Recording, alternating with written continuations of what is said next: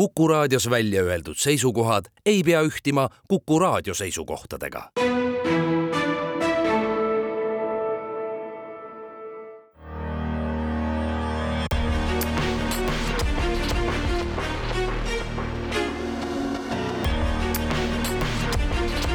välismääraja.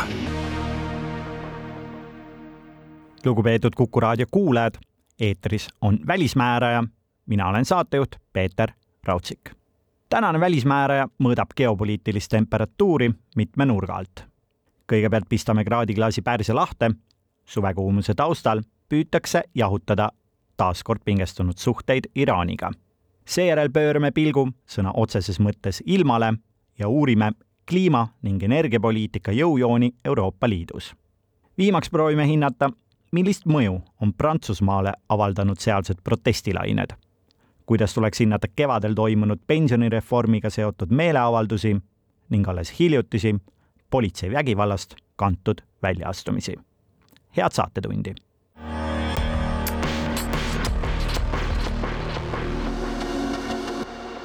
kuigi meie pilgud on peaasjalikult pööratud ühelt poolt Ukrainale ja teisalt NATO-le, siis mujalgi pole elu kaugeltki seisma jäänud. neljapäeval teatas USA, et saadab Pärsia lahte oma juba seal olevate üksuste tugevduseks kolm uut sõjalaeva koos ligi kahe tuhande sõjaväelasega. USA kaitseminister Lloyd Austini sõnul on sammu eesmärgiks heidutada Iraani. juuli algul püüdsid Iraaniga seotud paramilitaarsed üksused USA mereväe sõnul hõivata kaht naftatankerit. ühe rünnaku käigus puhkes isegi tulevahetus, kus keegi küll viga õnneks ei saanud laiem sõjalise kokkupõrke oht Pärsia lahes USA liitlaste ja Iraani vahel on praegu küll võrdlemisi madal. Saudi Araabia, Ühendemiraadid ja Katar näevad kõvasti vaeva eskalatsiooni vältimiseks. pärast seitset aastat taas avati juunis Riadis iraanlaste saatkond ja konsulaat Jeddas, mille peamiseks ülesandeks on Mekat väisavate iraanlastest valverändurite aitamine. kuid üks hukkunutega valearvestus võib need strateegilisest, geopoliitilisest ja religioossest teineteise mõistmisest kantud sammud kiirelt kustutada. juhul kui tankerite ründamine peaks jätkuma. regioonis oleva viiekümne tuhande Ameerika sõduri valguses oleks sellel kindlasti laiem mõju nii Lähis-Idale kui ka meie julgeolekule tasub eraldi silmas pidada ka meie ainsat NATO liitlast selles regioonis. siinkohal on märgiliseks viimatised sõnumid Türgi poolt. president Tayyip Erdoğan käis sel nädalal visiidil Saudi Araabias. sellega võib lõppenuks lugeda enam kui viis aastat kestnud väga jaheda suhtluse kahe riigi vahel, mis sai alguse pärast ajakirjanik Jamal Khashoggi tapmist Saudi konsulaadis Türgis Erdoğan näeb koostöös laheriikidega võimalust oma majanduse turgutamiseks, mis vaevleb mitmekümneprotsendilise inflatsiooni käes. lisaks väisab järgmisel nädalal Türgit esmakordselt viieteist aasta jooksul Iisraeli peaminister Benjamin Netanyahu. kuigi kõigil neil on regioonis nii vastandlikke kui ühiseid huvisid, siis meie vaatest on pigem positiivne, et lisaks Venemaale soojendab Türgi vahelduseks suhteid ka USA liitlastega Lähis-Idas.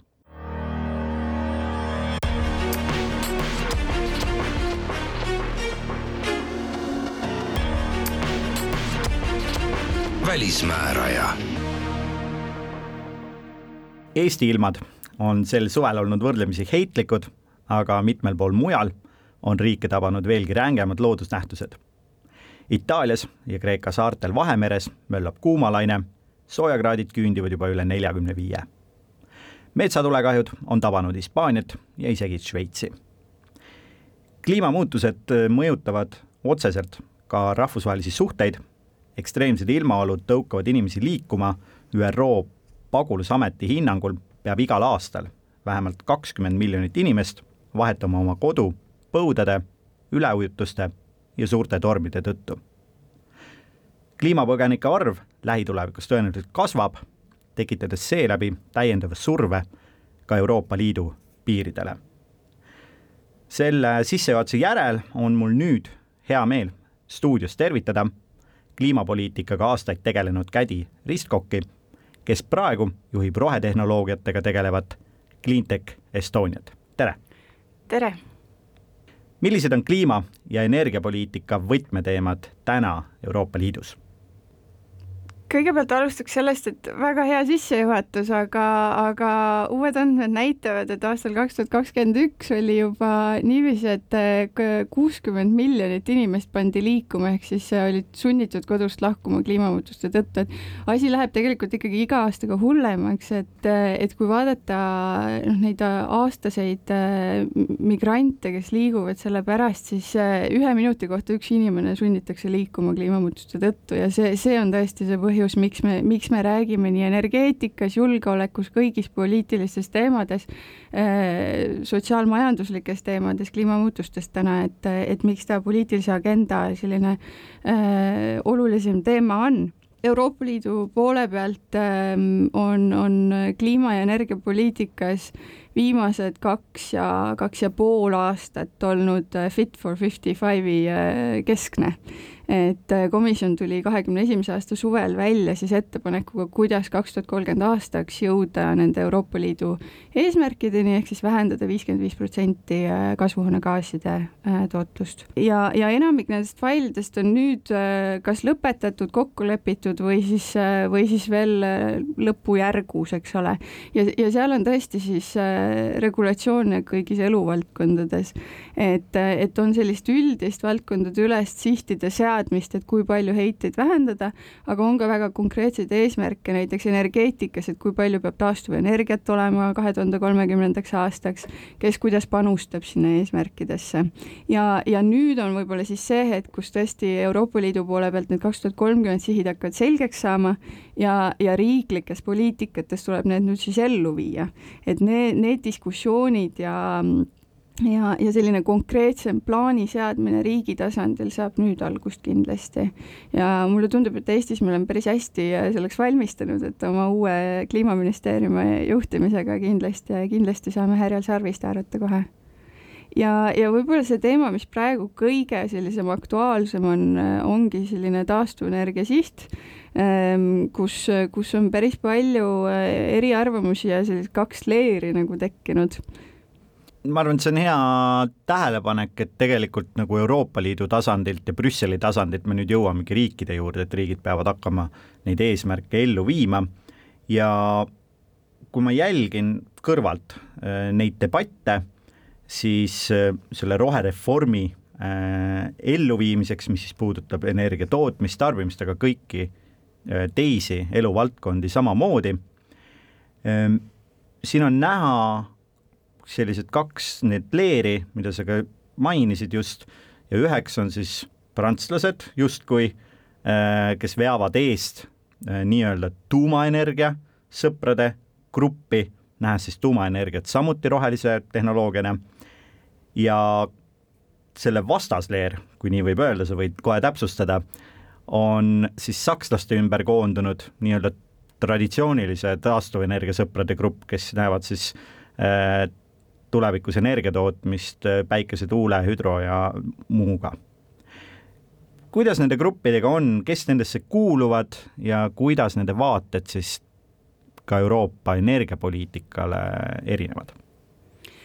jaa, tõepoolest need kaks leeri, et äh, noh, prantslased on äh, ajalooline tuumaenergia tootev riik ja nende jaoks tuumaenergiatööstust, sest nemad on ka äh, mitte ainult suur äh, tuumaenergia tootja, vaid tuumaenergia tehnoloogia tootja, et nende jaoks on see olnud ajalooliselt kuuekümnendatest saadik juba selline tööstuse tipulaev, mis on natukene nüüd tuure kaotanud ja nad on jäämas maha Ameerikale, Kanadale, nii mõnelegi teisele, aga kes tahab siis uuesti tulla nüüd selleks äh, tuumaenergia tippriigiks Äh, Macronil on suured plaanid selles osas, tahetakse oma riigis juba kuus uut tuumaelektrijaama tööle panna ja, ja tulevikus veelgi. ja, ja eks nad on siis koondunud enda ümber neid teisi selliseid tuumariike, noh, Rootsi on kindlasti teine suur, kellel on umbes kolmkümmend protsenti oma energiatootmisest ju tuumaenergial baseeruv, et neil ka kindlasti huvi, et, et, et me vaatleks tuumaenergiat Äh, siis ühe sellise roheenergiana ja noh, vaadates kliima aspektist, siis tõepoolest, et, et, et CO2 ta ei tekita, eks ole, väga palju. ja, ja, ja selle poolest ta on hea ja ja, ja seda, seda huvi nad kindlasti esindavad ja nad tahaksid siis tõesti, et kõik need eelised ja soodustused sellised, mis luuakse taastuvenergiale, et need kehtiks ka tuumaenergiale. Ehm, aga, aga eks seal taga on jah see küsimus, et, et, et mille pärast me siis tahame dekarboniseerida, et kas see on tõesti ainult, et need eh, heitkogused alla saada eh, või siis kas seal taga on ka selline energiajulgeoleku küsimus, eh, kas seal on ka muid keskkonnaküsimusi taga, et, et mida me nagu sihime nende poliitikatega ja, ja nüüd vaadates seda teist leeri, on siis äh, tõesti Saksamaa juhitud selline puhas taastuvenergial, äh, taastuvenergiale üleminek, äh, kus on siis ka näiteks Austria üks tugev liitlane. ja, ja ja, ja seal noh, on, on näha, et nad on tugevaid samme selles suunas ise tegemas, samamoodi Saksamaa juba aprillikuus sel aastal pani siis lõplikult kinni kõik oma tuumaelektrijaamad ja, ja ei ole plaane, plaane neid uuendada, samas on jällegi varjupool see, et eks nad on äh, ühe kolmandiku oma energiatootmisest teevad söe pealt. et, et, äh, et kliima vaates see kindlasti hea variant ei ole äh,. Aga, aga, aga samas ma tõesti vaataks seda, et, et äh, et kui me räägime taastuv, taastuvenergiale üleminekuks, siis mille pärast ehm,? kindlasti ju ajalooliselt sellepärast, et kliimamuutustega tegeleda ja jätkuvalt see on väga tuline probleem meie jaoks, millega peab kiiresti tegelema. aga, aga teiselt poolt on, on küsimus, et me peame energiajulgeoleku saavutama ja, ja noh, vaadates, vaadates seda kust tulevad äh, uraan ja tuumakütused, mida me kasutame selleks, et tuumaenergiat toota, siis väga suures osas ju tegelikult Venemaalt ja, ja, ja see on, see on üks põhjus, miks me tahame kiirendada taastuvenergiale üleminekut, et me ei sõltuks energeetikas äh, Venemaast nii tugevalt. et, et see mm, Ukraina sõja algus kindlasti tõi nagu tugevamini pilti selle julgeoleku poole ka ja, ja ma ütleks, et siin võib-olla see tuumaenergia ei ole väga hea lahendus, kuigi noh, eks, eks neid tuuma tuumakütuseid ja neid saab ka mujalt äh, otsida. Äh, praegused tuumaenergia tootjariigid siin äh, Euroopas otsivad neid lahendusi kogu aeg. aga selle poolelt jah, ega ta ideaalne lahendus ei ole ja, ja noh, teine on see tehnoloogiast sõltumise küsimus, mis on võrdväärselt ju laua peal tegelikult nii taastuvenergial eh, kui ka tuumal, et, et, et nagu ma ütlesin, eh, varem me võisime öelda, et eh, maailma tippu, tipptehnoloogia tuumaenergiast tuli Prantsusmaalt, täna ta tuleb ikkagi Ameerika kontinendilt, et, et, et kui lähedased liitlased nad meile on. Kui... no ikka väga lähedased Äh, ja, ja, ja noh, kust, kust siis tuleb taastuvenergia tehnoloogia täna suuresti ju, ju tegelikult, eks ole, Hiinast. et aga see on ka siht, et mida me oleme seadnud ja seame üha selgemini, et, et üha rohkem toota Euroopa Liidus just neid taastuvenergia tehnoloogiaid ja, ja taaskäidelda, et me ka neid ressursse, mida on vaja nende tehnoloogiate tootmiseks, et neid saaks siis ring, ringkäidelda ja uuesti kasutada Euroopa Liidu sees. No nende kahe grupi valguses, kus siis ühel pool ütleme, on Prantsusmaa, Rootsi justkui tuumaenergia eestkõnelejad ja teisel pool ääres siis äh, Saksamaa, Austria, sellise traditsioonilise äh, taastuvenergia eestkõnelejad, et Eesti on ju ennast ikkagi liitnud ja samastanud just nende viimastega, Saksamaa, Austria ja teistega, äh, vähemalt selles vallas. Ehm, aga kui nüüd roheinnovatsiooni korra puudutada, siis millised on need rohetehnoloogiad, mida me siin Eestis või meie piirkonnas saaks siis äh, luua, tuua äh, turule, et nende abil seda protsessi kiirendada? Eestis on väga palju, väga palju innovatsiooni tegelikult energeetika valdkonnas, et kui me vaatame, meie suurimad rohetehnoloogia valdkonnad ongi energeetika, transport, logistika et, et, et sealt, seal on meil suured oskused ja, ja väga ägedad tegijad tegelikult. ja, ja, ja just taastuvenergia poole peal, et, et meil on erinevaid salvestuslahenduste tootjaid, meil on, meil on taastuvenergia tootjaid, kes võib-olla küll ei tooda ise neid tuulegeneraatoreid või päiksepaneele, kuid väga oskuslikult ehitavad tuule- ja päikseparke. Ja, ja see on see, mis meid viib meie taastuvenergia eesmärkideni ja, ja mis, mis tegelikult tekitab meile ka majanduslikku konkurentsivõimet. et, et mida rohkem me suudame ise toota ja eksportida seda, mida me oskame ja teame, seda, seda tugevam meie majandus saab tulevikus olema, sest et noh, selge on see, et et, et, et meie tulevikumajandus saab olema roheline, ehm, fookus kindlasti energeetikal, sest seal saab kõik alguse majanduses. Eh, ja, ja mida rohkem me pakume seal, seda rohkem me tekitame endale uusi ärisuundasid. aga, aga võib-olla jah, noh, siia tuua siis see tuuma, tuumaenergia ja tehnoloogia pool võib-olla võrdluseks, et siin meil ei ole nagu väga midagi pakkuda, et me oleks pigem importija sel juhul. see on äh, päris hea äh, põhjendus ka sellele, miks me oleme Euroopas täna ühe poole ja justkui nende leeride vastasseisus äh, valinud. aga välismääraja teeb siinkohal äh, lühikese pausi ja naaseb üsna pea.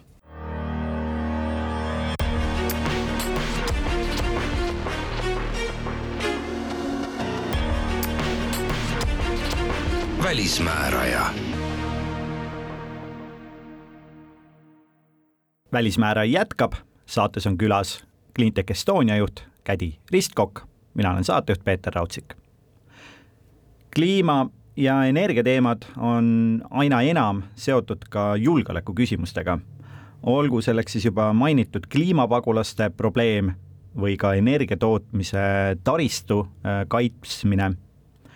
kuidas on Ukrainas sõda mõjutanud kliimamuutuste üle toimuvaid arutelusid Euroopas? Ukraina sõda kindlasti äh, tõi äh, julgeoleku, kliima ja energeetika küsimused veel tugevamini kokku, kui nad äh, varem on olnud.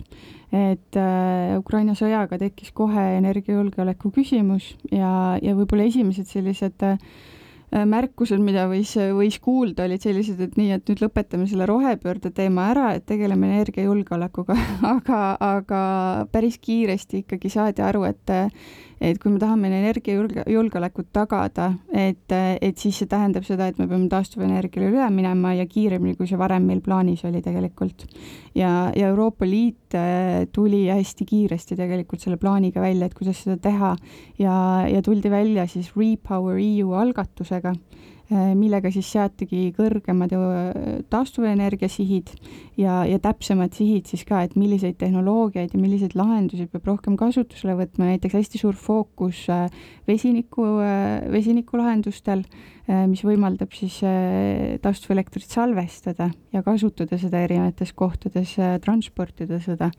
Ähm, et, et, et seal Äh, neid, need plaanid nagu seati siis Repower EU äh, sees ja, ja nüüd neid viiakse ka üle erinevatesse teistesse regulatsioonidesse, et näiteks äh, kui me vaatame taastuvenergia direktiivi, siis kui, kui varem oli seal sihiks nelikümmend kaks protsenti taastuvenergiat lõpptarbimisest kolmekümnendaks aastaks, siis tegelikult eh, Repower EU pakkus välja nelikümmend viis protsenti. noh, lõpuks leiti selline kesktee, et teeme kaks, eh, nelikümmend kaks koma viis protsenti kindlasti ja püüdleme neljakümne viie poole.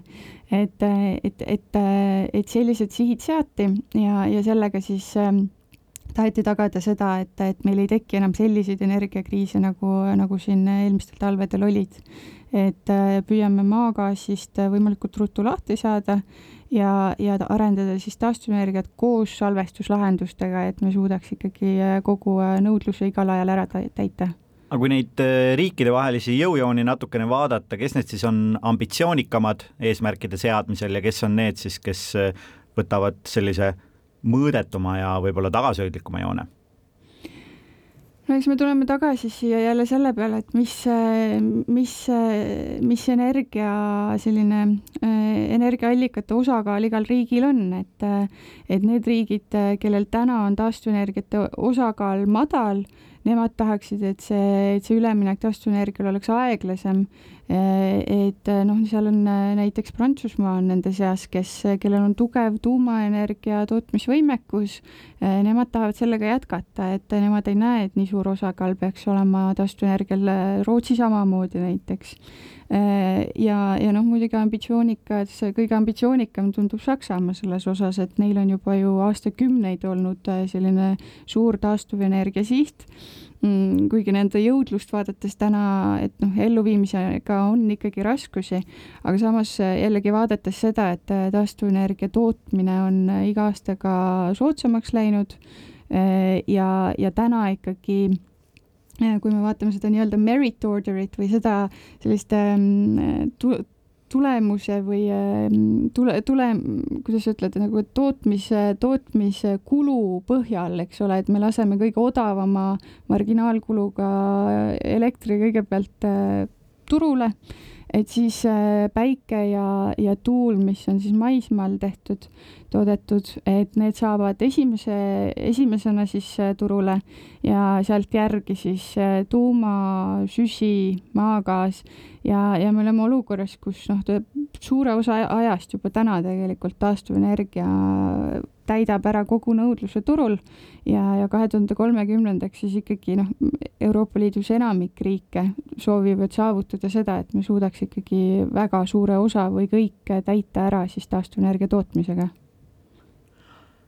aga mm, kui me astume korra Euroopa Liidust välja ja miks seda on mõtet teha, on ka see, et see võitlus äh, kliimamuutustega tegelikult kätkeb ju kogu maailma ja Euroopa tegelikult annab ju sellest süsinikuheitest ka sellise kümnendiku, kümme protsenti äh, kokkuvõttes ainult, et nende teiste riikide kaasamine ja motiveerimine on väga oluline.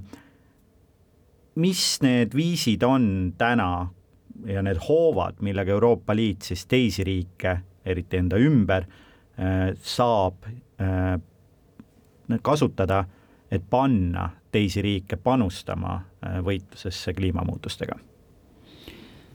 Eks seal on mitu asja, et Euroopa Liit on, äh, on kindlasti olnud see eestvedaja ambitsiooni osas ja, ja sellesama ambitsiooniga, et me ise teeme ja oleme eeskujuks teistega, on tegelikult päris palju teisi kaasa tõmmatud. et, äh, et täna me oleme jõudnud sinna, kus ikkagi kõik rohelahendused on majanduslikud võimalused, see on see majandus, mis, mis tulevikus saab, saab edu looma riikides ja, ja kindlasti sellised arenenud majandused ja, ja, ja ka mõned suured äh, arengumaad on sellest väga hästi aru saanud, et, et vaadates kas või äh, USA siis ähm, inflatsiooni vähendamise mm, regulatsiooni, millega nad tegelikult äh, ju panustavad, investeerivad tulevikku ja ütlevad, et tulevik saab olema rohetehnoloogia. Ja seal nad on siis mõned fookusvaldkonnad endale valinud, samamoodi äh, Hiina, kes küll enda ambitsioonis võib-olla veel nii kaugele ei ole tulnud kaasa äh, kliimamuutuste mõttes, aga, aga kes ikkagi massiivselt investeerib rohetehnoloogiatesse, et nad näevad selles majanduslikku võimalust ja, ja ja kui need tehnoloogiad, äh, kui sinna investeeritakse, siis nad lähevad üha soodsamaks, mis tähendab, et neid võetakse üha kiiremini kasutusele. et, äh, et tegelikult ongi oluline see, et me et, äh, et me kaasaksime võimalikult palju nii, nii riiklikke kui ka erarahastust, et, et, et tuua nende tehnoloogiate hinnad vähemalt samale tasandile, kui, kui on need tehnoloogiad, mis on rohkem saastavad. ja, ja sellega me jõuame eesmärkideni, aga, aga siis on muidugi see teine pool, mis on tõesti need kliimamuutustest enim kannatavad võib-olla majandusliku arengu poolest natukene maha jäävad riigid. et, et nende jaoks on ähm, selline kliimaambitsioon ähm, enne kui nad sellest on valmis rääkima, äh, siis nad tahavad, et et neid aidataks ka sellega, et ka hakkama saama ja hakkama saada e, nende tagajärgedega, mis kliimamuutustes juba neil avalduvad. et, et selle poole pealt on ka ikkagi Euroopa Liit teinud päris palju samme, päris suur osa meie sellist e, majandusarengu abirahast suunatakse juba täna kliimamuutustega hakkama saamisega, hakkama saamisele ja nende siis äh, selliste kliimakatastroofide tagajärgedega hakkama saamisele. et, et see kindlasti motiveerib äh, just neid riike. need on päris head kaks sellist hooba, mis on ka nagu täiesti erinevatest kategooriatest, et üks on selline nii-öelda hinna allatoomine, nende tehnoloogiate kättesaadavamaks muutmine ja teine siis ikkagi tõesti see abi, äh, mida saab anda kohe vahetult. aga oled aastaid elanud ka Prantsusmaal, millest on siin põhjalikumat juttu saate lõpuosas. aga küsin sinult ka, et kuivõrd tõsine oli viimane protestilaine Prantsusmaal, mis sai siis alguse ühe seitsmeteistaastase noormehe õnnetu surma läbi politsei käe läbi. kuidas see või kuhu see protestide laine asetub selles pikas reas erinevatest väljaastumistest Prantsusmaal? no protestilained on üha tihedamaks läinud, et, et, et kui kollavestid tulid, siis see oli selline tõesti esimene selline suur kaks tuhat kakskümmend alles. jah, hiljutine tegelikult. et, et sealt võib-olla tekkis selline suur ähm, ähm, ma ütleks ähm, kuritegelikkus sellise vana prantsuse kultuuri osa sees, mis on see, et, et kui midagi ei meeldi, siis tuleb minna tänavale ja see välja öelda. ja, ja koondada teised, kes nii mõtlevad enda ümber, et see on, see on prantslaste jaoks noh, juba revolutsiooni ajast ju väga-väga ühiskonda sisse kirjutatud, aga, aga võib-olla jah, hiljutistel aastatel on tekkinud selline liikumine liikumise sees, kus, kus võib-olla sellise mm, äh, protesti algatajad on heatahtlikud ja tahavad tõesti äh, parandada ühiskonda ja, ja siis selle protestiga liituvad ikkagi need, kes tulevad lõhkuma, laamendama, varastama selle, selle varjus. ja see, see näide nüüd oli jälle siis nende viimaste protestidega või ka eelviimastega, kus oli siis pensioni, pensioni teemal olid siis, olid protestid politseile heidetakse üha rohkem ette seda, et nad on liiga vägivaldsed. ja, ja, ja nüüd see viimane protest siis ju tegelikult sai lausa alguse sellest, et öeldakse, et politsei on oma õigustest üle astunud ja läinud liiga kaugele ja tegelikult isegi äh, ÜRO ähm, ÜRO tegi Prantsusmaale sellise pöördumise, kus nad ütlesid, et, et te peate tegelema rassismi probleemiga oma politsei äh, sees siis.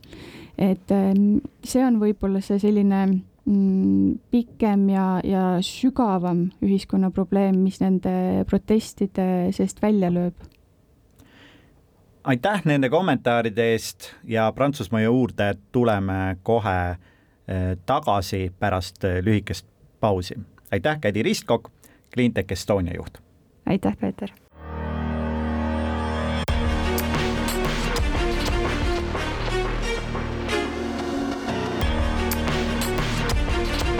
välismääraja. välismääraja jätkab nüüd Prantsusmaa teemal, kus suve hakul puhkesid ulatuslikud protestid pärast seda, kui politsei tappis regulaarse liikluskontrolli käigus Alžeeria juurtega nooruki Nahel Marsouki. puuduvad tõendid selle kohta, et seitsmeteistaastane noormees oleks kuidagi politseinikke ähvardanud. ootamatule tapmisele järgnenud meeleavaldused kujunesid riigis vägivaldseks, põletati autosid ja rünnati avalikke hooneid.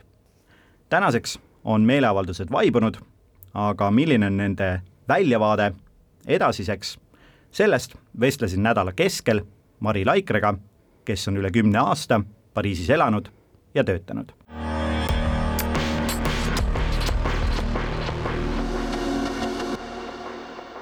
kas Prantsusmaa hiljutine protestilaine tuli kohapeal elavatele inimestele ootamatult või võis rahulolematust ühiskonnas tajuda juba varem? Prantsusmaa vestlusdialoog on ikkagi selline, et äh, Prantsusmaa nagu ehk vastuvõturiik, et ta võtab neid vähemusi on võtnud alati endale ajalooliselt äh, enda hoole alla nii-öelda ja neid integreerinud. aga kas see ka tegelikult päris nii hästi on läinud, see on noh, minu arvates, minu personaalse arvamuse kohaselt äh, arvates kaheldav, selles mõttes ma arvangi, et see protestilaine, mis nüüd viimati seitsmeteistaastase Nael Merzuki äh, mõrva või tapmise või ütleme, sellise õnnetusliku surma mm, tagajärjel tuli, ei olnud kindlasti ootamatu, on ka varasemalt olnud Prantsuse ühiskonnas äh, no sarnaseid äh, juhtumisi, probleeme loomulikult politseiga on seal ju olnud varasemalt ka süüdistusi, et äh, politsei on ikkagi veidi äh, halvustava või erapooliku suhtumisega äh, ütleme, rahvusvähemustesse immigreerunud äh, immigrantid, ütleme lastesse, kes on seal juba järgnevad põlvkonnad, eks ole, juba mitmendad põlvkonnad. aga nendele protestidele tegelikult mõned kuud varem ja selle aasta alguses eelnesid ka pensionireformiga seotud väljaastumised, kus siis see pind äh, väljaastumisel tundus olevat märksa laiem, kas siin tekkis ka mingisugune seos nende väljaastumiste vahel või olid need tegelikult eraldiseisvad? No ütleme, prantslased oma olemuselt kui ühiskond, see rahvus juba on tegelikult väga protestilembene, alates Prantsuse revolutsiooni aegadest, et nad teavad, et nad suudavad oma mani-, manifestatsioonide ja rahul, rahulolematuse väljendamisega saavutada nii üht koma teist. et äh, selles mõttes ma arvan, et prantslased, seal on selline, pinnas on selline väga viljakas juba, et nii kui mingi probleem ühiskonnas on, siis väga kiirelt tulevad nad tänavatele nüüd sa mainisid seda pensionireformi, jah, see ketras, eks ole, juba alates selle aasta jaanuarikuust, kui need jutud hakkasid, pensionireform lõpuks võeti vastu, aprillis siiski tõsteti seda pensioniiga kuuekümne kahelt kuuekümne neljale, aga loomulikult see oli juba, ütleme, ühiskond oli juba väga äh, teravas meeleolus, noh, tänavatel oli väga palju näha neid proteste, noored, kus osalesid ka noored päris palju, et need kohati olid nagu tehnopeod, nagu selle kohta ka meedias kajastati, et pandi siin tehnomuusika taustaks ja noored hüppasid, no võib-olla võib-olla noored on tänapäeval rohkem äh, teadlikumad ja ka mõtlevad kaasa ka sellistel teemadel, mis ulatuvad veidike kaugemasse tulevikku, nii-öelda pensioniaega aga nüüd see viimatine rahu, protestilaine, mis oli seotud siis noore seitsmeteistaastase poisi surmaga, politsei poolt nii-öelda tapmisega, siis seal nüüd kindlasti oli palju rohkem veel noori, seal oli just eriti palju noori ja mm. loomulikult oli väga palju noori, kes olid, ütleme, rahvusvähemustes, vähemustest või ütleme siis immigreerunud peredest pärit ja, ja noh, siin jutud nagu olid või meedias kirjutati sellest, et kas see on nüüd ikkagi äh, nii palju läbimõeldud sõnum äh, politseile või ühiskonnale või valitsusele, kui võib-olla siin on tegemist ka sellega, et need noored lihtsalt äh, tunnevad igavust, nad äh, tunnevad, et äh, kuna nad kajastasid seda sündmust päris palju ja neid streike päris palju sotsiaalmeedias, võib-olla nad tunnevad, et see oli ka võimalus neil saada veidi nii-öelda rambivalgusesse või saada sellist tähelepanu, et võib-olla see praegune viimane laine, mis oli äh, seotud tõesti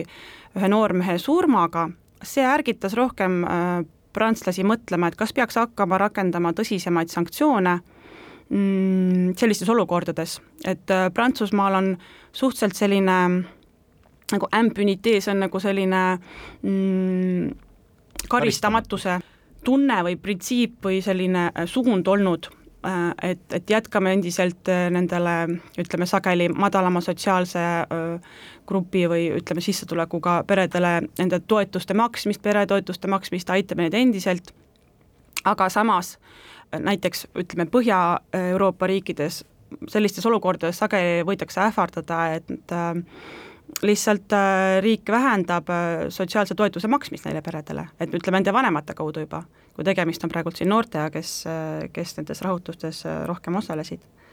ja näiteks kas või konkreetselt selle noormehe puhul natuke uurisin tausta, et tegelikult tal oli juba varasemalt seal viis-kuus sellist samasugust rikkumist olnud, kus ta ei kuuletunud politsei käsklustele ja, ja nüüd noh, et see näitab, et see ei olnud selline juhuslik süütu noormees, kes sattus sinna olukorda, vaid lihtsalt ta oligi natuke sellise käitumisega juba, et tal on neid rikkumisi registreeritud olnud juba. aga Eesti meediakajastusi jälgides nendest viimastest ja ka eelnenud protestidest, mis sulle sealt silma jääb ja kas äh, meedia on teinud võib-olla ka liiga mingile osapoolele? No mulle isiklikult tundub, kui ma nii-öelda jälgisin ühe silmaga Eesti meediat, ühe silmaga Prantsuse meediat, et näiteks see viimane äh, protestilaine politsei käitumise osas, võib-olla see oli Eestis äh, nagu eriti fookuse all, et ma ei tea, kas see oli nagu huvitavam, teravam teema, et ta oli justkui rohkem võimendatud, kuigi ta toimus hoopis välisriigis ja mitte Eestis endas, kui ma ütleks Prantsusmaal.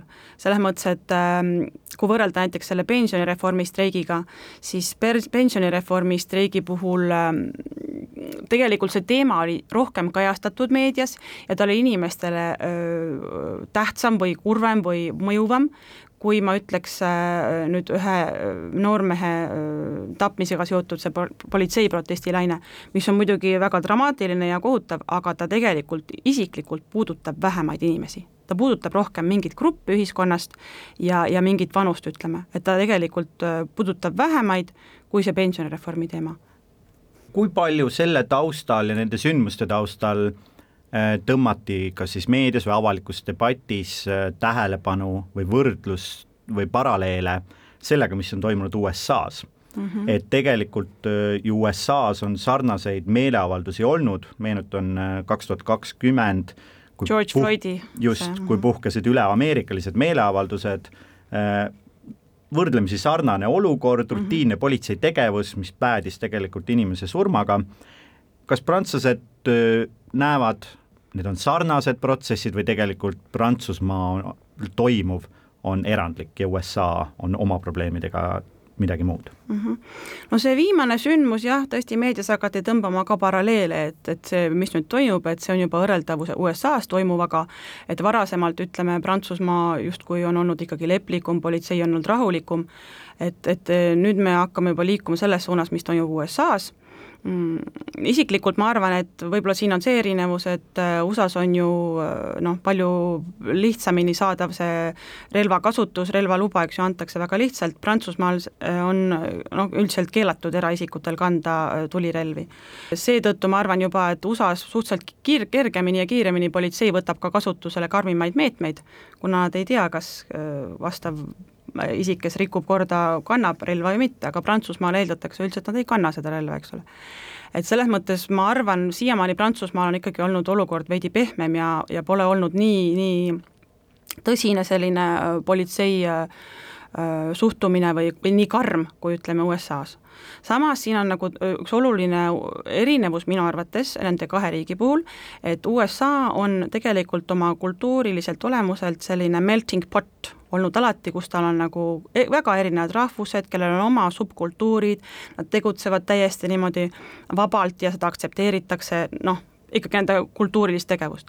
aga Prantsusmaa on olnud väga selgelt ikkagi ajav oma sellist prantslaslikku, ütleme mingit Versailleslikku ajaloolist käitumist ja väga seal subkultuuridel ei teki võimalust nii-öelda oma, oma liini arendada, et siiski ka kõik need immigrandid püüavad niivõrd-kuivõrd sulanduda justkui Prantsuse mudelisse või see on mhm. ikkagi ideaal, et neil ei ole mingit muud sellist suurt ideaali, isegi need immigrandid Alžeeria, Maroko ütleme, järel tuleb põlv sealt, kes on kolinud Prantsusmaale, neil vist ei ole enamasti seda, et nad alustavad mingit oma suurt subkultuuri seal ja mille poole püüelda, et ikkagi valdav selline mm, roosa unistus on siis nagu saada nii-öelda bourgeois klassi või olla ka üks nendest, kes teenib hästi, kelle, kes on haritud, kes käivad igal pool kultuuriüritustel, kes teavad, kes tsiteeri-, tsiteerivad Baudelaire'i või, või muid kirjanikke, et, et pigem ma arvan, on selline aga see ju ka õnnestub äh, väga paljudel nendest, nüüd väga paljudel, aga ikkagi, et ja. see on näha ju ka ühiskonnas, kuidas see sulandumine tegelikult. me näeme poliitikas ja valitsuses, kuidas järjest rohkem võetakse, eks ole, ka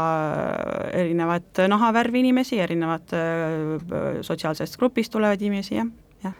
aga nende protestide valguses, et äh, selline mitte nüüd olmeline küsimus, aga kui palju see tegelikult nagu Pariisis äh, inimeste elu halvas, kas oli komandanditundi ju kui sellist ei kehtestatud otseselt, aga liikumine, mingisugused teenused, et kuidas see tunne nagu seal selle keskel oli? nii, kui rääkida nüüd sellest äh, pensionireformi streigist, noh siis see oli muidugi kõiki halvav, sellepärast et see ka, sellega kaasnes ju prügivetajate streik, mis tõi tohutud prügikonteinerid tänavatele, ka kõige peenemates piirkondades, kuueteistkümnes ütleme seal Bologna, noh, kus ma ise resideerun, ka seal olid kõik pikalt need avenüüd täis tohutu haisvaid prügikaste, millega need inimesed ilmselt pole harjunud. Pluss, eks ole, igal pool mujal Prantsusmaal, Pariisis ja mujal suurlinnades. et, et see kindlasti väga palju halvas inimeste eluolu ja, ja noh, see teema juba, et nüüd pensioniiga lükkub ülespoole, kindlasti prantslastele ei meeldi. et see, see tekitas suurt rahulolematust, ma arvan, et streigid igal pool et see ei olnud ainult prügivedajate streik, seal olid ka muud streigid, eks ole, seal olid mm metroo nende juhtide või, või muu transpordistreik, streigid. Aga mis puudutas nüüd seda viimast protestilainet, mis oli seotud nii-öelda politsei käitumisega, siis seal, mis ma isiklikult nägin, et noh, näiteks äh, äh, pandi kinni õhtusel ajal, ütleme suhteliselt varem kui muidu, äh, metrooliine, transpordiliine, et takistati nagu liikumist igaks juhuks, et noh, preventiivse meetodina, et, et hoida ära noorte kogunemist protestiks ma küsiksin veel ka Eesti kohta just selles mõttes, et milline on prantslaste seas Eesti kuvand täna ja kuidas see sinu arvates ja vaates on siis tegelikult äh, aastate jooksul ka muutunud mm? -hmm. et kuna sa oled nii kaua seal juba elanud? ma olen tõesti kokku olnud tegelikult no pausidega vahepeal Eestis, aga vahepeal Prantsusmaal kokku ligi kakskümmend aastat. Et äh, ma näen, et see kuvand on muutunud, ma ise tegelikult taustana öeldes äh, uurisin seda teemat ka kunagi oma koolitöö raames, et milline on Eesti pilt äh, Prantsuse meedias. Ja tol ajal, kui ma seda uurisin, see oli muidugi viisteist aastat tagasi ja ma uurisin veel eelnevat äh, aja, ajaperioodi ka, et siis oli see ikkagi väga selline postsovjeti riik ja noh, nagu me teame, eks ole, et, et vaene ja, ja, ja kas ka mingid ohud siin on, et, et et narkoteemad või sellised, sellised teemad, aga no nüüdseks on ta kindlasti muutunud päris palju, Eesti on NATO liige, Eesti on Euroopa Liidu liige, me oleme OECD liige, et me oleme nagu järjest rohkem ja rohkem, ma arvan, võetud omaks kui üks omadest et see nii-öelda seltsi kuulumine siiski seob ja prantslastel kindlasti on ka rohkem huvi nüüd meie vastu. ja võib ka öelda, tegelikult nüüd see huvi on veel kerkinud seoses Ukraina sõjaga, et ähm, et, et nagu jälgitakse lähemalt, mis toimub siin piirkonnas, mis toimub siinse piirkonna riikidega. et, et seda ma arvan küll ja, ja tegelikult ma arvan, et äh, et Eesti, Eesti ja Ukraina puhul võib tunna, tuua natukene paralleele, et kunagi oli Eesti ka selline väga vaene riik, keda vaadati, et tuleb äh, kunagisest äh, Nõukogude Liidust, et, et võib-olla natuke sarnane suhtumine kui Ukrainasse praegult, keda nüüd hakatakse ka nii-öelda võtma oma, oma kampa.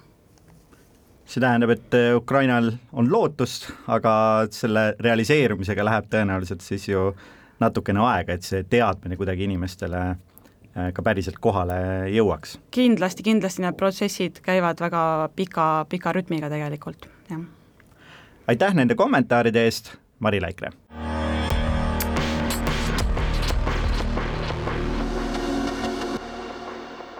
sellega täna globaalsete sündmuste temperatuuri mõõtmise lõpetame. kuidas jahutada pingeid suurriikide vahel Pärsia lahes ja meeleavaldajate rahulolematust Prantsusmaal ning leida ühisosa Euroopa kliimapoliitikas? Neile küsimustele andsime täna vähemalt mõned vastused. edasiviivaks jõuks on ühelt poolt ärakuulamine ning teisalt otsustav tegutsemine. rahulikku suve jätku ja päikest. välismääraja on uute teemadega eetris juba järgmisel pühapäeval kell üksteist. mina olin saatejuht Peeter Raudsik